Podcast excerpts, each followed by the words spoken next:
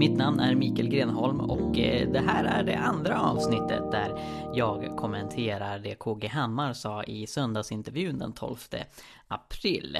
Eh, det var tänkt att vara ett enda avsnitt detta men eh, vi behövde dela det på grund av tidsskäl. Och det blir lite olika vinklar på det, för förra gången så var det fokus på KG Hammars tankar om eh, kyrkopolitik, lite grann också hans tankar om att eh, nå människor utanför kyrkan med det kristna budskapet Eh, genom att i grund och botten eh, förändra det kristna budskapet. Eh, och som jag sa i förra avsnittet så är ju mina tankar om det KG Hammar uttrycker framförallt kritiska, men också positiva till viss mån. Det finns flera saker han säger som jag faktiskt håller med om i den här intervjun. Vilket förvånade mig själv på ett positivt sätt. Nå, det här är inte första gången som jag kommer i kontakt med KG tankar. Som jag nämnde kort i förra avsnittet så eh, skrev jag en biuppsats när jag läste eh, kandidat i teologi på Johannelunds teologiska högskola som hette Are Miracles Real? där jag jämförde KG Hammars syn på mirakler med påven Franciscus och min vän Surprise Toley som är pastor i Sydafrika och som eh, eh, hävdar sig ha sett många mirakler inklusive åtta personer som kommer tillbaka från döden.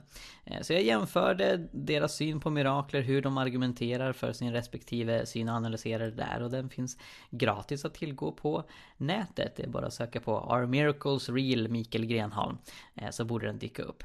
Och i denna andra del av min respons till KG Hammars intervju så kommer vi fokusera just på hans syn på mirakler, på Jesu uppståndelse och på livet efter detta. I och med att det här sändes på påskdagen så ville Martin Wiklin som gjorde intervjun eh, lyfta påskberättelsen och höra KG Hammars tankar om det. Och, och KG Hammar förnekar ju inte påsken på något sätt. Han återvänder till påsken om och om igen men hans förståelse av vad påsken innebär är rätt så annorlunda än hur de allra, allra flesta kristna genom tiderna har uttryckt tron på påskundret Jesu uppståndelse och vad det innebär för vår del.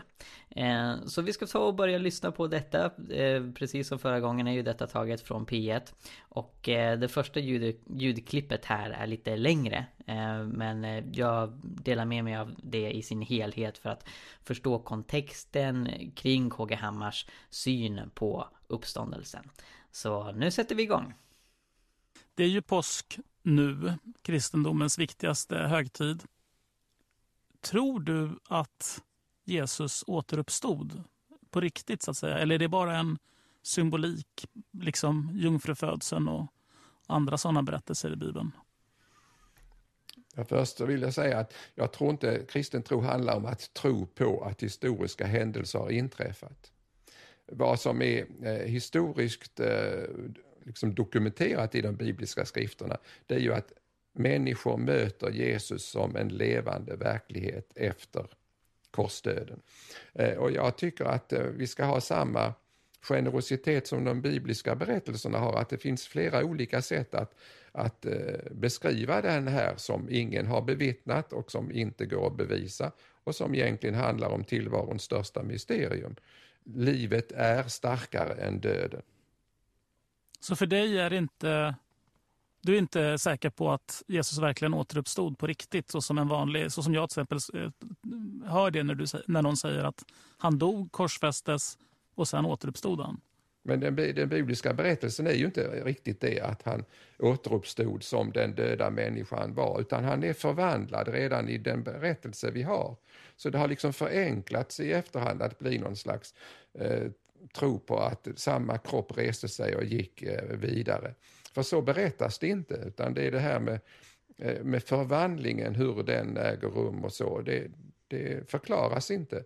Och jag har inget behov av att förhålla mig till eh, det ena eller det andra. Det, det förunderliga för mig är att berättelsen uppstod och det, Gud kan mycket väl ha väckt upp honom. Eh, det är inte så att det, det skulle vara en omöjlighet. Och många känner att det måste vara så. Men det, så är det inte för mig. Eh, jag, jag, känner att det kan vara på det ena eller andra sättet. Just det, men, men, han, men, men ge, jag bara försöker förstå om du, vad, vad du tror på. så att säga. Du, du tror ändå att Jesus eh, efter död, den mänskliga döden fick ett nytt liv även om det inte var i en mänsklig kropp?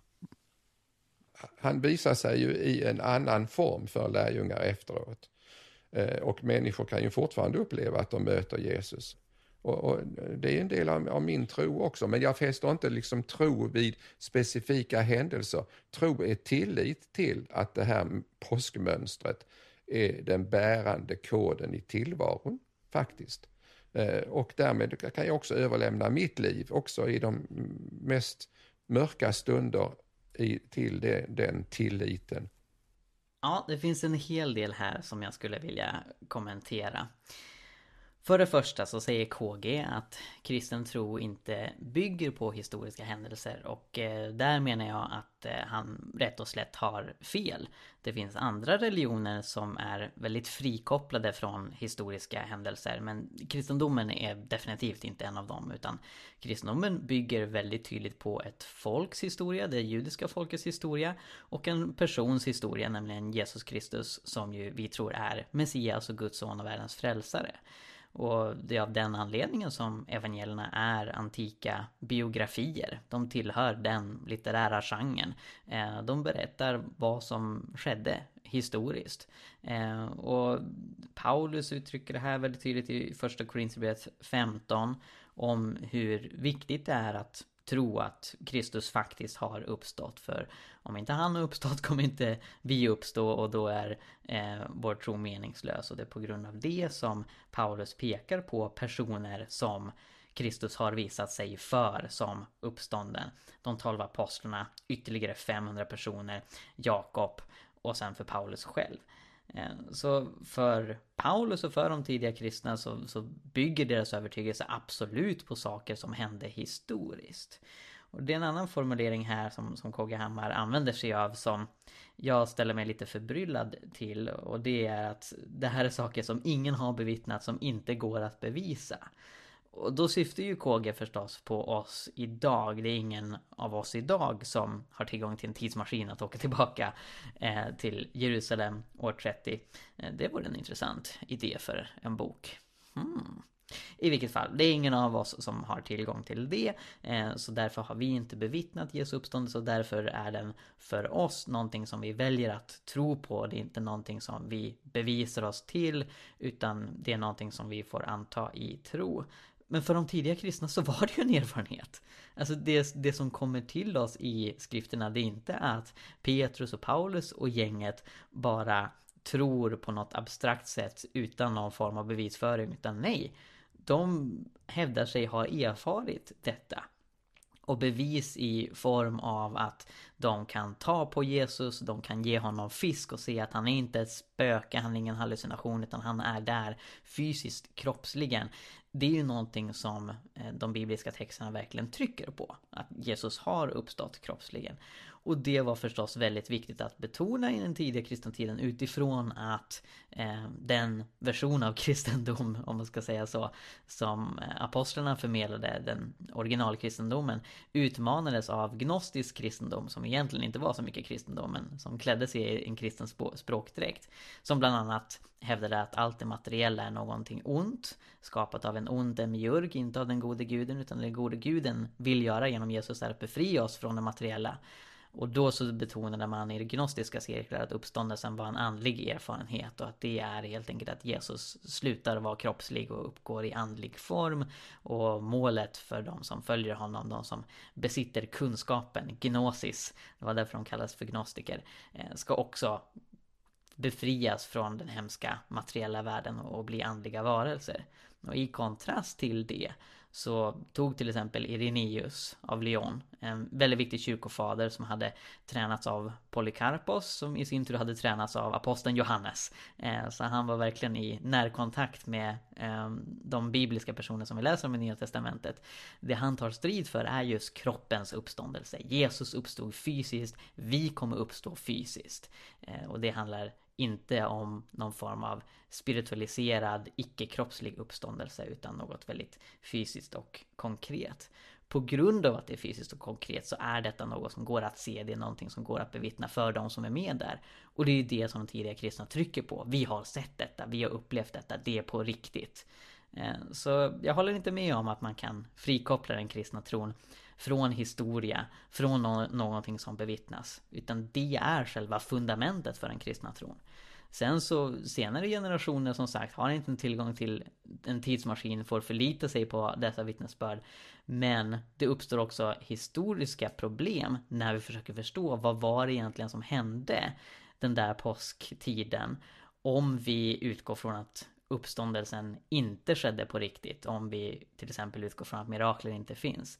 Den vanligaste hypotesen idag bland historiker eh, är att om det inte skedde ett mirakel, om Jesus inte uppstod från döden, ja, då var det en masshallucination som lärjungarna drabbades av. Det är en betydligt populärare hypotes än eh, hypotesen att lärjungarna helt enkelt ljög om uppståndelsen. Eh, och masshallucinationer är väldigt osannolika. eh, visst, det kan hända att människor hallucinerar samtidigt men då brukar man se olika saker.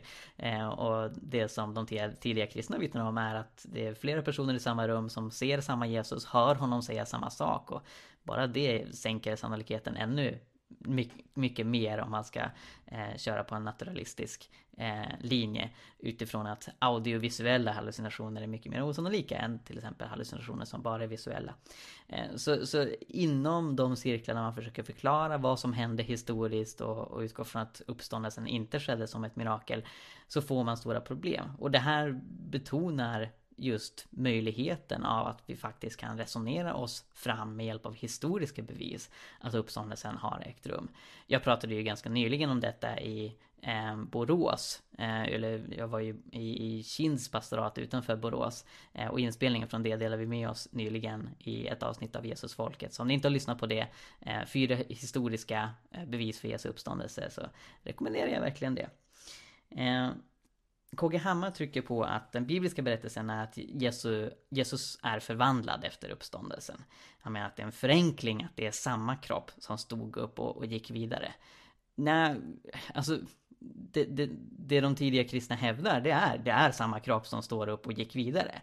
Sen så säger de också, eller de vittnar om utifrån sina erfarenheter att det är en förvandling, det, det är något större. Och, och Paulus pratar ju om vår uppståndelse i termer av att nu har vi ett tält, då kommer vi ha ett tempel.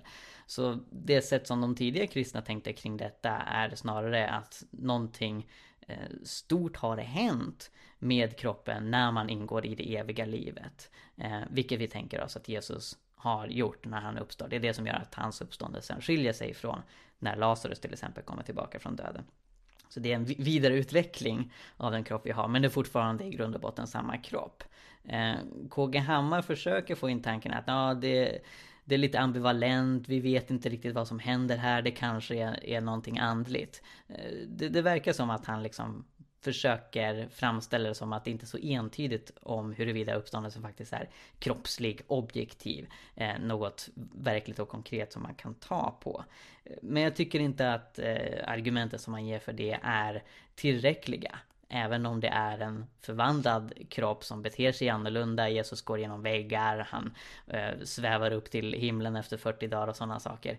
Eh, så är vittnesbörden som ges i evangelierna definitivt att det är samma kropp att, att det är Jesus. Varför då? Jo, för graven är tom. det är inte som att Jesus gamla kropp ligger någonstans och förmultnar. Utan graven är tom, här kommer Jesus och han lever mer än någonsin. Han lever på ett sätt som gör att han gör saker som vi inte kan med våra kroppar, till exempel gå igenom väggar. Men definitivt så är eh, påstående som evangelierna ger att, att det är samma kropp. Eh, KG säger också att han inte har något behov av att tro att, att Jesu uppståndelse skedde på det här bokstavliga, kroppsliga, konkreta sättet. Han säger att Gud kan ha uppväckt Jesus på det sättet. Det är möjligt, men det måste inte vara så. Vissa tänker att det måste vara så, men jag tänker inte så. Och det här tyckte jag var väldigt intressant eh, utifrån min intervju med KG för några år sedan när jag skrev den här biuppsatsen. Då nämnde jag för KG att en annan som jag intervjuar för den här uppsatsen är Surprise Itoli som ju då som sagt hävdar sig ha sett åtta personer uppväckas från döden. Eh, och jag frågade KG vad, vad du tänker om det. Är det ens möjligt att, att människor kan uppväckas från döden på det här sättet? Och då sa KG, du vet vad jag kommer svara? Nej, det gör jag inte. Naturligtvis tror jag inte att det är möjligt att döda människor kan uppstå. Det, det, var vad han sa till mig och ni kan se detta då i, i ehm, uppsatsen. Eh, som jag kommer länka eh, i beskrivningen av det här poddavsnittet. Då, där talade vi ju uppenbarligen om eh, påstådda uppväckanden idag. Eh, så, så jag hävdar inte att, att KG har ändrat sig när han nu i den här intervjun säger att eh, Eh, det, det, är möjligt för att, att Gud uppväckte Jesus eh, bara att det inte är viktigt för KG. För då pratar han om Jesu uppståndelse. När jag ställer frågan så pratar vi om påståenden om uppväckanden idag. Men det är ganska anmärkningsvärt. För om det för KG är självklart att Gud kan uppväcka Jesus eh, från de döda. Varför sa han till mig? Naturligtvis tror jag inte att det är möjligt för människor att uppstå. Och, och, i intervjun som han gjorde med mig så tryckte han betydligt mer på det här att förr hade man en antik världsbild där man trodde på mirakler och magi och sådana saker. Idag har vi en naturvetenskaplig världsbild där vi inte tror att sånt är möjligt.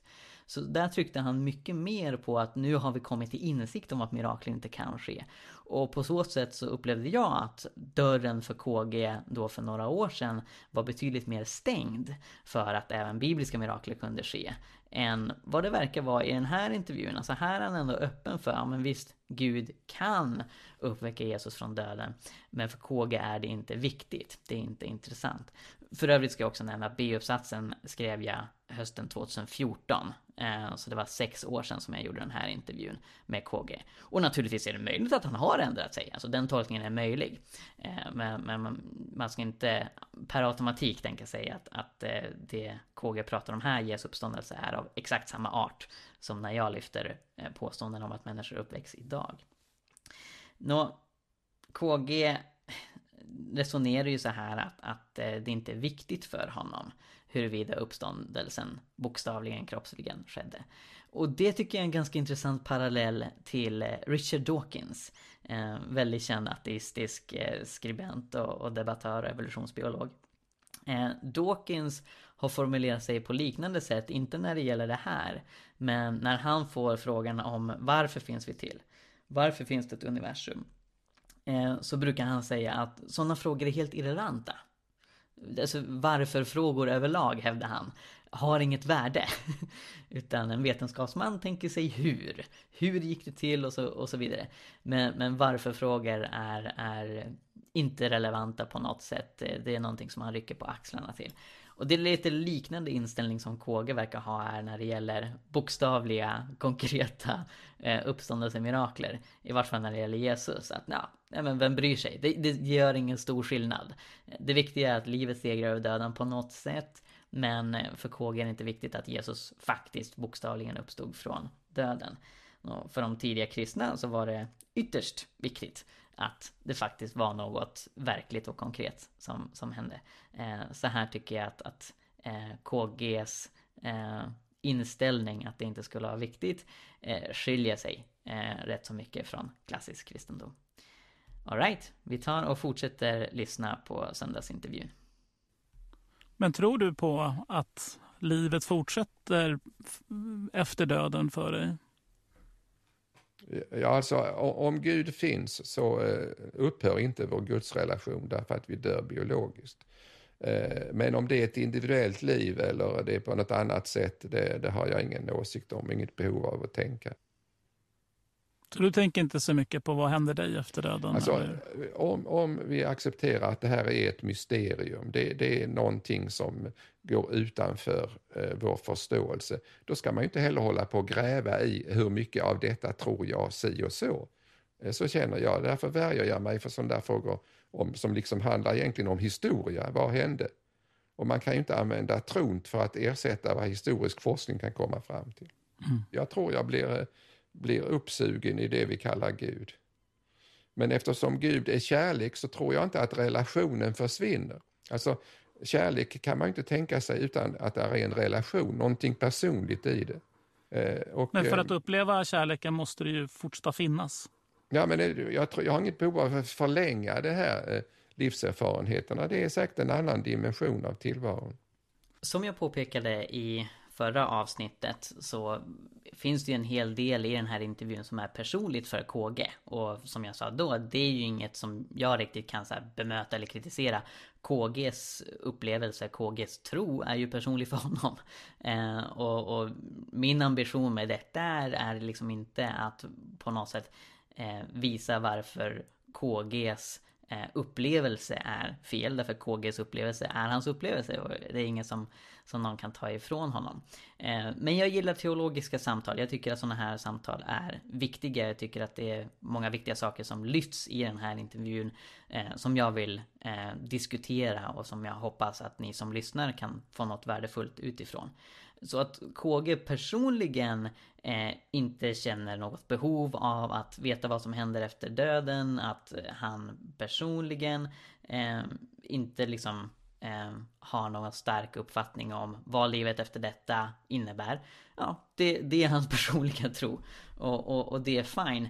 Eh, jag har problem med att en person som på det här sättet lutar åt vad som låter som mer eh, österländsk uppfattning om eh, livet efter detta. Det här med att uppgå i Gud som KG vid flera tillfällen har uttryckt att man liksom eh, kommer in i Gud på något sätt. Och här, här kritiserar han också liksom en, en individualistisk syn. Han tror inte så mycket att det handlar om, om eh, något individuellt eller personligt utan snarare att man liksom dras in i Guds gemenskapen kollektivt. Eh, att en person som, som tänker på ett sånt sätt som ju definitivt lutar åt hinduismen blir ärkebiskop för en kristen kyrka tycker jag är väldigt problematiskt. Eh, det är helt fint att KG som privatperson har egna tankar om vad som händer efter döden och eh, det han uttryckte tidigare i intervjun som vi lyssnade på i förra avsnittet om att han vill vara ärlig mot sig själv är något jättebra. Och, och, och det tycker jag att KG ska fortsätta vara. Men man ska inte förväxla det han uttrycker det här med att det här är vad den kristna tron säger. Och det är det stora problemet med när KG eh, blir ärkebiskop och, och har de här idéerna. Kristendomen är väldigt tydlig med att livet efter detta innebär att vara i gemenskap med Gud som en egen person men samtidigt också förstås i gemenskap med alla heliga. Eh, men det är inte som den hinduiska uppfattningen att vi alla ingår i, i Gud och liksom smälter samman i en, en enda stor blob. Utan vi kommer fortfarande vara personer eh, som tillber Gud och eh, prisar honom i evigheters evighet och lever tillsammans i evigheters evighet på grund av att Jesus har öppnat vägen till evigt liv för oss. Eh, så Bibeln är betydligt mer konkret än vad KG är här. Visst, det finns också öppningar för tolkningar, det finns öppningar för diskussion, exakt vad kommer det innebära att leva i paradiset i evighet. Och det kan man absolut diskutera. Eh, men det är inte som att eh, Bibeln har lika många frågetecken som KG tycks ha.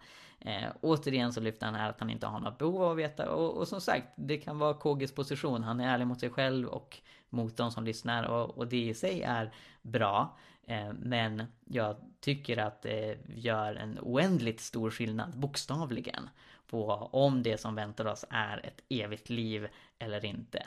Eh, så jag tycker att, att KG är onödigt diffus här i egenskap av kristen ledare. Som privatperson så absolut kan han ha de här tankarna.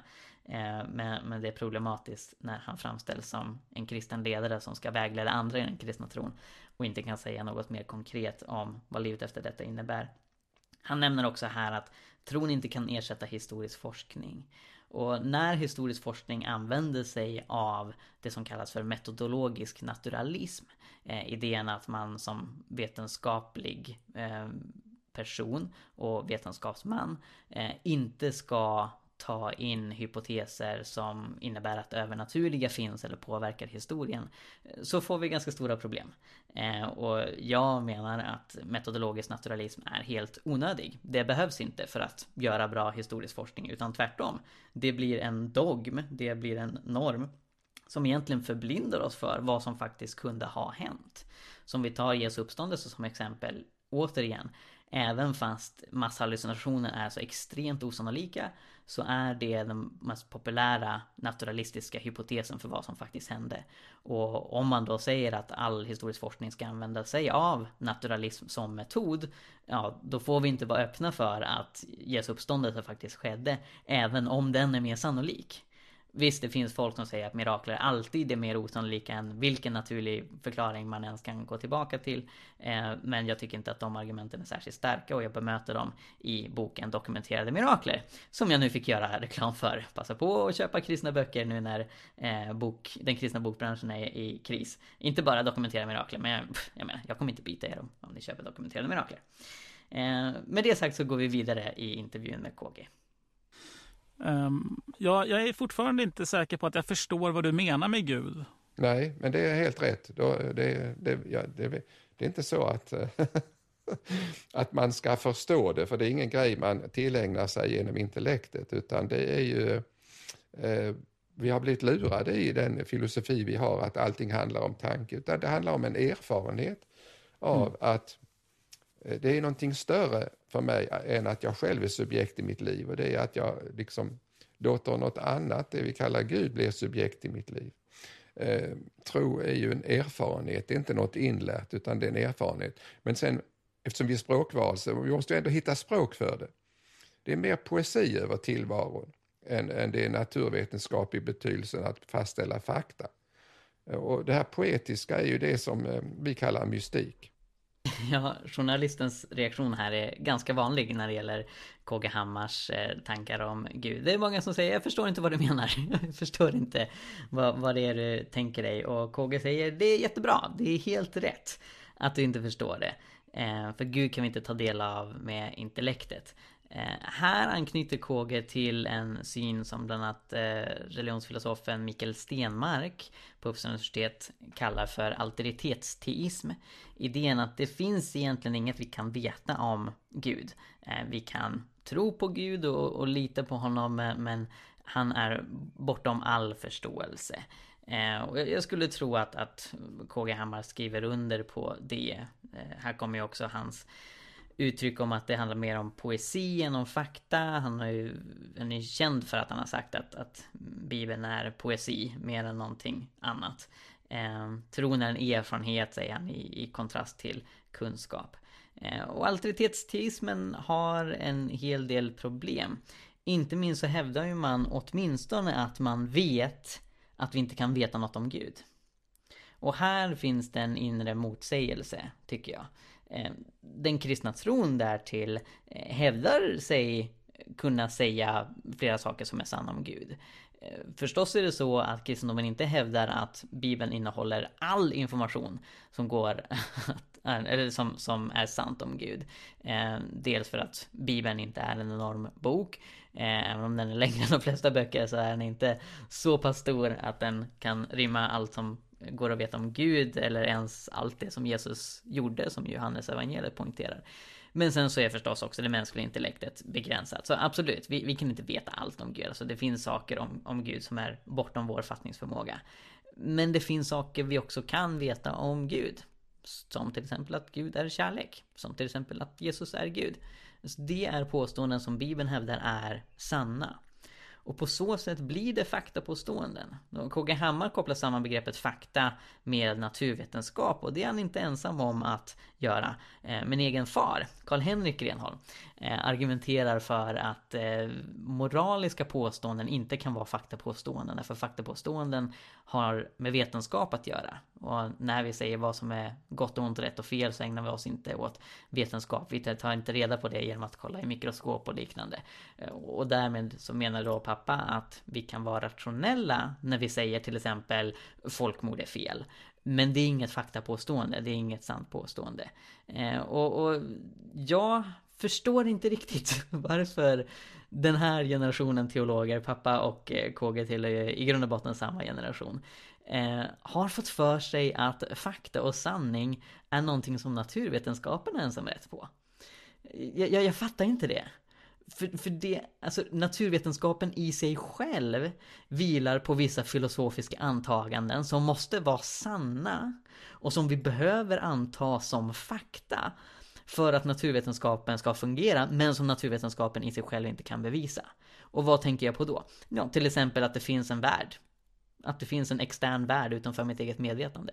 Det är aldrig någonting som vi kan bevisa med naturvetenskapen. För naturvetenskapen förutsätter att den där externa världen finns där. Jag kan inte bevisa att någon annan än jag själv har ett medvetande. Jag kan inte ens bevisa att det förflutna existerar. Alltså det är, det är logiskt möjligt att hela världen skapades för fem minuter sedan, från ingenting. Inklusive alla våra minnen av en värld som fanns dessförinnan och inklusive alla fossiler och allting. Alla nyhetsprogram från bakåt i tiden och, och, och så vidare. Vi kan i strikt mening inte bevisa att världen är äldre än fem minuter. Nå, vi kan göra det sannolikt att den är det. Men, men det är återigen några filosofiska antaganden, antaganden som man måste hålla för sanna för att naturvetenskapen ska fungera.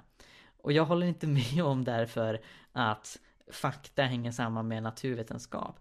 Utan det finns andra sätt att ta reda på sanningar. Och jag tror att trons väg och religion är ett sätt att ta reda på sanningar. Om Gud finns, och det här betonar ju KG, han tror ju definitivt att Gud finns. Då är religionen och teologin ett väldigt bra sätt att ta reda på sanningar om denna Gud. Och vi kanske inte når fullständig sanning förstås. Men vi kan ändå eh, komma fram till saker som är sanna, saker som är faktum. Även när det gäller Gud. Alright. Vi tar och eh, lyssnar på nästa klipp. Nu kommer vi in här i slutspurten. Just det. Men där i mellanrummen, eller bortom poesins, mm. så finns det en gud på riktigt? Ja, det är visst. Men det är det att vi tänker ofta att det som finns, finns som allting annat finns, som olika objekt. Och Gud är inte ett objekt. Gud finns på ett annat sätt som bärare av hela tillvaron. Och, Just det. Och, hur, och hur, då är min fråga egentligen, tror jag, som jag inte riktigt får fram, men det, det är egentligen den här. Hur vet du det? Nej, det vet jag inte. Det är ju det som är, det är, det som är tro. Alltså, tilliten eh, tar över där jag inte vet. Va? Men varför tror du det? Om du inte, om du inte tror på de historiska texterna, de är inte gudomliga och så. Hur, Nej, varför men, tror jo, du men alltså, de är det ju i den bemärkelsen att de hjälper mig att hitta ett språk en berättelse. Alltså, min teologi är narrativ, kallar man det. Alltså, det är berättelserna som är det bärande och mitt liv är en berättelse. Och jag kopplar in den i den här eh, berättelsen, bibliska berättelsen. Eh, och, eh, men då i en berättelse handlar det inte om hände det och det, utan eh, inkluderar den här berättelsen också mig och mina livserfarenheter. Ja, ni märker här att eh, journalisten Martin Wiklin har svårt att förstå vad det är KG säger och får även svårt att, att framföra sina egna eh, frågor. Eh, och det är som sagt en ganska vanlig reaktion eh, i, i konversationer med KG Hammar. Eh, men, men när KG poängterar här att, att Gud inte är ett objekt, han är bärare av, av hela tillvaron. Och vi, vi tänker oss ofta när vi pratar om saker som finns att det måste vara ett objekt. Eh, men så är det inte med Gud. Eh, så håller jag i grund och botten med honom. Alltså Gud är absolut mycket större och, och transcenderar vår erfarenhet. Gud är inte materiell. Gud är inte fysisk. Gud är inte inom universum. Gud är absolut inte en skäggig gubbe på ett moln. och när ateister säger jag tror inte på Gud för inte tror jag på en skäggig gubbe uppe på ett moln. så, så, så är jag den första att hålla med om. Bibeln själv säger att Gud är osynlig. Bibeln själv säger att skaparen är inte en del av det skapade. Så, så, så den kristna tron är absolut inte att, att eh, Gud är en fysisk varelse. Vilket gör att den kristna tron skiljer sig från till exempel asatron eller den grekiska mytologin som tänkte sig gudarna som fysiska, mäktiga människor i grund och botten, eller människoliknande varelser, men som har kropp och blod som går ner och upp från Olympens topp och, och så vidare. Eh, och, och den eh, gudsbilden delar inte den kristna tron, utan Gud är, är betydligt större än så. Men sen frågade då Martin Wiklin, hur vet du det här? Varav KG säger, det vet jag inte. Trons karaktärsegenskap är, är att eh, gå, gå bortom det vi vet. Eh, och här lutar KG åt någonting som, som jag inte tycker om och det är själva idén att det finns en motsättning mellan tro och vetande. Något som populariserades, populariserades i Sverige av den ateistiska filosofen Ingmar Hedenius som var verksam här i Uppsala. Eh, och eh, som går ut på att eh, i, i då Hedenius tankevärld att vi ska bara eh, enas om det vi vet. Alltså, kunskapen är det enda vi ska bry oss om. Tron, det är sånt som inte går att veta, det inte går att bevisa. Och det är värdelöst och, och sånt ska vi inte ägna oss åt utan vi ska bara ägna oss åt vetenskap och, och ta del av och forma vår världsbild utifrån det. Eh, och en hel del av responsen till Hedenius från kyrkligt håll var att han i grund och botten hade rätt om att tro och vetande står emot varandra men att tro är värdefullt. Eh, och tro behövs där, där vetandet inte räcker till. Och det är en respons som i grund och botten misslyckades. Hedenius lyckades verkligen föra fram sitt ateistiska budskap och eh, medverkade väldigt mycket till Sveriges sekularisering som ju är väldigt dominerande idag. Jag tycker att det är helt fel att säga Hedenius har rätt i att tro och vetande står emot varandra. Inte minst för att Bibeln säger att tro är en form av vetande. Så i brevbrevet 11, vers 1 så står det att tro är en visshet om, om det vi inte ser. Det är en kunskap. Så, så, tro är en form av vetande som sträcker sig bortom naturvetenskapen och så vidare, absolut. Men som fortfarande gör att vi kan ta del av sanningar, det gör att vi kan ta del av fakta, som jag redan har varit inne på. KG säger att han står för en narrativ teologi som betonar att Bibeln är en berättelse. Och han säger att grejen med berättelse, grejen med narrativ, att det inte handlar om saker faktiskt hände eller inte, utan det handlar om att inkludera mig själv. Det stämmer inte. Jag är förvisso ingen expert på narrativ teologi och hur det ser ut. Men jag är ganska kunnig i narrativ, jag är författare. och eh, visst, vissa narrativ eh, som, som är helt fiktionella bryr sig inte en kotte om huruvida det tangerar till saker som faktiskt har hänt på riktigt eller ej. Där författaren bara liksom skriver historier. Eh, och, och, jag kan tänka mig att, alltså, alltså, eller det är ju uppenbarligen så att det finns element i Bibeln som är narrativa i meningen att, att de är frikopplade från eh, historiska händelser. Om, om det hänt något liknande historiskt spelar ingen roll. Och då tänker jag inte minst på Jesu liknelser. Så när Jesus berättar en liknelse om en, en bonde som går ut och, och strör ut sin sådd och viss sådd äts upp av fåglar och viss sådd handlar om tisslor och så vidare. Så spelar det inte så stor roll om något sånt faktiskt har skett historiskt också eller ej, utan själva poängen är ju att Jesus berättar någonting om Guds rike och gör det på ett sätt som är lätt att ta till sig och, och som eh, sporrar vår kreativitet och, och vår förkärlek för berättelser som vi verkligen delar som, som mänsklighet. Ehm, men Bibeln delar också med sig av ett narrativ av en berättelse som har en historisk förankring som vi tidigare varit inne på. Berättelserna om vad Jesus gör och säger eh, hävdar sig vara historiska. Och, och, Lukas till exempel, författaren av både Lukas evangeliet och, och Apostlagärningarna är väldigt tydlig med att han går till ögonvittnen. Han vill i detalj berätta vad som faktiskt hände. Och adresserar det till en person som heter Theophilus men som han tänker sig också att fler ska läsa det här förstås, vilket vi gör än idag. Eh, så, så, för den, den, bibliska berättelsen, för det bibliska narrativet, så är det väldigt viktigt att det finns en historisk förankring i vissa delar. Inte hela bibeln, vissa delar är, är mer frikopplad, poesin, alltså det finns poetiska böcker i bibeln. Så, så, så långt har ju KG Hammar rätt att det finns poetiska element i Bibeln som vissa ibland har missat. Och då tänker jag på, på Saltaren, Ordspråksboken och Jobb till viss mån och sådär. Eh, men sen så är det ju också en hel del som är historiska böcker som hävdar sig faktiskt berätta om saker som på riktigt hände. Och det blir lite genreförväxling att tänka sig att allt är poesi och att narrativ alltid är, är eh, frikopplat från vad som historiskt hände. För det stämmer helt enkelt inte. Vi lyssnar vidare. Så och, egentligen, om jag förstår det rätt, så kan man också egentligen, man skulle lika gärna kunna vara muslim eller buddhist eller eh, hindu eller välja sin egen, hitta på sin egen religion som ett sätt att försöka närma sig det som du menar som Gud. Alltså jag vill vända på det och säga alltså att eh, eh, samma erfarenhet har lett till olika religionstraditioner i olika delar av världen, i olika kulturer. Eh, men för mig är ju Jesusberättelsen eh, oöverträffad i det här att det, det är tydligare det här med döden, något måste dö för att livet ska ha en chans. Så här delar KG Hammar sin syn på andra religioner.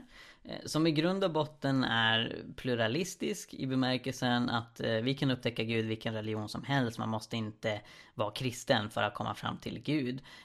Och jag är rätt så säker på att KG Hammar i den mån han han eh, specificerar sina tankar om livet efter detta så, så tänker han sig något universalistiskt. Att alla kommer ingå i Gud, att alla kommer eh, leva i evighet tillsammans med Gud, vad man än tror på här. Och, och, det är inte så fruktansvärt förvånande. det finns en hel del andra i Svenska kyrkan som, som tänker så här. Eh, men jag menar att det är eh, fel. Det, det, stämmer inte. Bibeln berättar något väldigt annorlunda. Att det bara är genom Jesus som vi blir frälsta. Under inget annat namn finns frälsningen som Petrus förkunnar i Apostlagärningarna. Eh, och Jesus själv säger ju, jag vägen, sanningen och livet, ingen kan komma till Fadern utom genom mig. Nå, det finns de som är inklusivister som tänker sig att människor kan hitta till Jesus på andra sätt än inom kristendomen. Men det är inte riktigt vad KG uttrycker här utan han uttrycker något starkare att liksom, även andra religioner är en konsekvens av Guds erfarenhet och på något sätt knyter an till den sanna guden. Eh, så jag tror inte KG har något problem med att en muslim fortsätter vara muslim livet ut och att eh, KG inte är så driven att faktiskt konvertera den personen till kristen tro. Men han uttrycker här att han tycker att eh, Jesusberättelsen uttrycker bäst, uttrycker starkast det här med att dödligare död leder till liv, att livet segrar över döden och så vidare. Så på något sätt så liksom även om KG har i, i grund och botten en universalistisk syn eh, så menar han att liksom, ja, men kristendomen har ändå förtur. Men han uttrycker det inte så starkt som han menar att, att kristendomen är sann i kontrast till andra religioner som är falska och det människor bör göra över hela världen är att bli kristna. Eh, och eh, det tror jag är ett misstag. Vi ska inte skämmas för att eh, vi har funnit vägen till evigt liv. Och snarare än att se på det som att vi trycker ner andra och vi säger åh du är så dum i huvudet och du har så fel och nu ska du komma till sanningen som jag sitter på. Så har en vän till mig som är evangelist uttryckt det så här att vi är ett gäng hemlösa som har hittat mat. Och vi vill berätta för andra hemlösa var den här maten finns. Alltså snarare än att komma från ett översittarperspektiv att Åh, vi är så fantastiskt bra och du är så dålig. Så snarare peka på att vi har funnit Jesus, vi har funnit det du söker efter. Och jag tror inte att man kan finna Eh, det fantastiska som Jesus ger i, i någon annan religion. Helt enkelt för att de saknar Jesus. Eh, de saknar Jesus som Guds son åtminstone. Det finns ju andra synsätt på Jesus i islam och hinduism och så vidare. Men just den Jesus som evangelierna presenterar som de tidiga kristna fick möta, uppstånden, vid liv, Guds egen son. Eh, det är någonting som vi behöver förkunna och, och någonting som vi behöver sprida. För det är bara där frälsningen finns. Då ska vi lyssna på det allra sista ljudklippet eh, som jag skulle vilja kommentera från den här intervjun.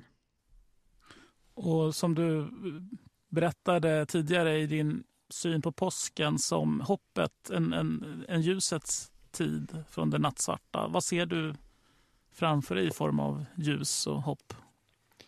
Alltså jag tror ju på en eh, andlighetens återkomst. Jag tror inte vi överlever som eh, mänsklig ras om vi inte liksom tar tillbaka det, här som har varit självklart i generationer, nämligen att tillvarons grundläggande struktur är andlig eh, och att är eh, vi som eh, människor, när vi betraktar oss som subjekt och herrar över allting, så har vi rätt att göra allting. Och att vi har en ekonomi som är, är liksom styrd av de här egoistiska behoven och begären. vi, vi Eh, påsken betyder att vi ska våga gå in i en annan livsförståelse, eh, ha en annan tolkningsram. Och att vi som svenskar ska börja våga prata om Gud. Eller hitta på något annat ord, men någonting mer än vårt ego. Som jag nämnde i det förra avsnittet så finns det mycket som sägs i den här söndagsintervjun som jag inte har med här i podden eh, och, och känner något behov av att kommentera och en hel del av det relaterar till coronakrisen där KG Hammar lyfter ja, behovet av att eh, lyssna in rekommendationer och, och följa eh, de guidelines som ges av, av stat och myndighet. Eh, man pekar också på att det finns ett existentiellt behov här. Eh, att eh, ja, människor behöver Eh, söka sig till andlighet. Eh, och, och, det håller jag helt med honom om. Sen förstår vi andlighet lite olika. Vi förstår Gud lite olika. Här säger han till och med att man kan hitta på något annat ord om man känner sig mer bekväm med eh, än, än ordet Gud. Och i grund och botten har jag rätt. Alltså ordet Gud kommer rent fonetiskt, alltså det svenska ordet gud från asatron. Eh, på grekiska sa man theos, på hebreiska säger man Elohim. Så liksom, det här är bara ord för att kommunicera eh, någon, någonting större. Så visst, ordet i sig självt är, är väl kanske inte så viktigt. Sen tror jag inte att det är en särskilt så framgångsrik evangelisationsstrategi att be folk att byta ut ordet Gud mot någonting annat. Eh, jag har inte sett det vara särskilt framgångsrikt, utan snarare handlar det om att göra människor bekväma eh, med liksom hela Eh, den rika idétradition vi har kring vem Gud är eh, och så vidare. Eh, och kanske så, så är det mer framgångsrikt att trycka på Jesus. Det finns en hel del som kanske har lite svårt för Gud och kyrka och liksom allt som man sammanknippar det med. Men det är få som har särskilt stora problem med Jesus som person. Eh, och det är därför som bland annat som, som vi lyfter fram Jesus i den här podden. Jesusfolket vill vi vara. Eh, jag, jag, skulle sammanfattningsvis vilja säga att eh, eh, KGs ärlighet är bra. Eh, KGs öppna brustenhet är något fint och, och något som jag verkligen respekterar. Eh, men som jag varit inne på tidigare så, så, finns det problem med när han får den höga position som han har haft och eh, på något sätt ska representera eh, kristendomen officiellt. För en hel del av, av det KG säger här är inte klassisk kristendom. Eh, en hel del av det han säger här går utanför ramarna för vad de tidiga kristna skulle beskriva som kristet. Eh, och, och medan det är KGs egen övertygelse och han ska vara fri att, att ha den så blir det olyckligt när det framställs som att det här är vad kristendomen går ut på. Eh, jag tror också att människor behöver andligt andlighet, eh, ett andligt språk. Eh, det vi ser runt omkring oss nu i samband med coronakrisen är ett existentiellt sökande och vi kommer snart eh, ha ett poddavsnitt tillsammans med Joel Halldorf när vi går in djupare på det här med det existentiella sökande som uppstår i coronakrisens spår. Men för att faktiskt ge människor det de söker för att möta det behov som uppstår eh, så behöver vi vara klara och tydliga med den urkristna övertygelsen att Jesus är världens enda frälsare, att han kroppsligen, bokstavligen uppstod från döden för att ge oss evigt liv. Eh, och att vi kan lita på honom, vi kan lita på de skrifter som han sa var inspirerade av Gud, nämligen Gamla och Nya Testamentets skrifter. Eh, och, och vi kan tryggt eh, förlita oss på att han kommer bära oss genom den här krisen. Men inte bara det, han kommer bära oss in i evigheten där vi får vara tillsammans med honom och leva fortfarande som egna individer men förstås i en fantastisk gemenskap med Gud och hans folk i evigheters evighet. Eh, och den tydligheten behövs mer än någonsin idag. Så det är mina tankar eh, i stort och smått om, om det KG Hammar delar. Som sagt, det var mer som han går in i avsnitt som man skulle kunna kommentera. Men nu har vi hållit på i, i en och en halv timme. Så jag tror att ni har fått en hel del redan. Eh, stort tack för att ni har lyssnat. Om det är saker som ni funderar på och, och undrar över så är det bara att höra av sig. Eh, och du kanske håller med KG Hammar mer än vad jag gör och har kritik mot det jag säger. Dela jättegärna med dig av det. Eller så tycker du att jag har varit för tam i min kritik mot KG Hammars tankar och, och, att det skulle kunna uttryckas på ett annat sätt. Dela jättegärna mer av det och dela också mer av eh, andra eh, önskemål om vad ni skulle vilja att vi ska podda om. Eh, jag skrev häromdagen på Facebook angående det här med eh, nattvard via videolänk. Eh, och det eh, gav väldigt mycket respons. Många som har starka åsikter kring det och flera som tyckte att eh, vi ska göra ett poddavsnitt om det. Eh, så vi får se om, om vi kan arrangera någonting angående det. Men om ni har fler idéer så är det bara att eh, kontakta oss. Vi finns på jesusfolket.gmail.com samt på sociala medier, Facebook, Youtube med mera. Så hör av er där. Tack så mycket för att ni har lyssnat och Gud välsigne er.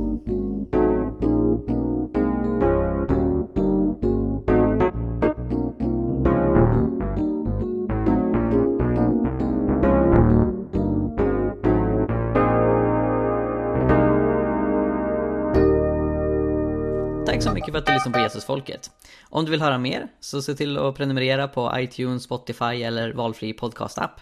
Du kan också lämna en recension, vilket är en eh, liten grej att göra som hjälper oss väldigt, väldigt mycket, så det uppskattar vi verkligen.